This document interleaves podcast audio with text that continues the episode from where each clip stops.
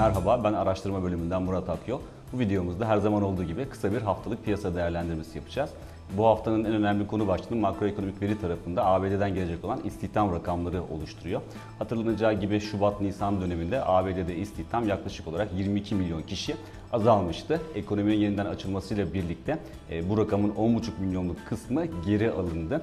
Eylül ayında ise yaklaşık olarak 900 bin kişilik bir artış yaşanması bekleniyor. Ancak bu artış dahil edildiğinde bile Amerika'da istihdamda pandemi öncesi seviyeye kıyasla 10 milyonluk bir kayıp söz konusu.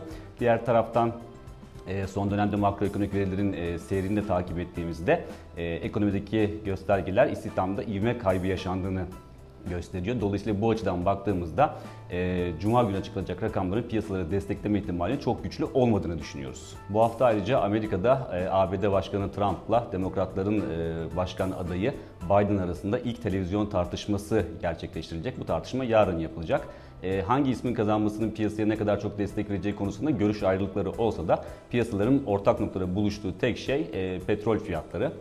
Bu noktada e, Biden'ın kazanması durumunda İran ve Venezuela gibi ülkelere mevcut durumda uygulanan ambargoların ve yaptırımların hafifletilebileceği ne yönelik bir algı söz konusu piyasalarda. Dolayısıyla Biden'ın tartışmada önde gözükmesi petrol fiyatları açısından e, aleyhte bir zemin yaratılabileceği gibi diğer taraftan e, Trump'ın kazanması ise mevcut yaptırımların e, önümüzdeki yıllarda da devam edeceğine yönelik algıyı destekleyeceği için e, o zaman da e, petrol fiyatlarında yukarı yönlü bir hareket etme e, eğilimi biraz daha ağır basabilir diye düşünüyoruz.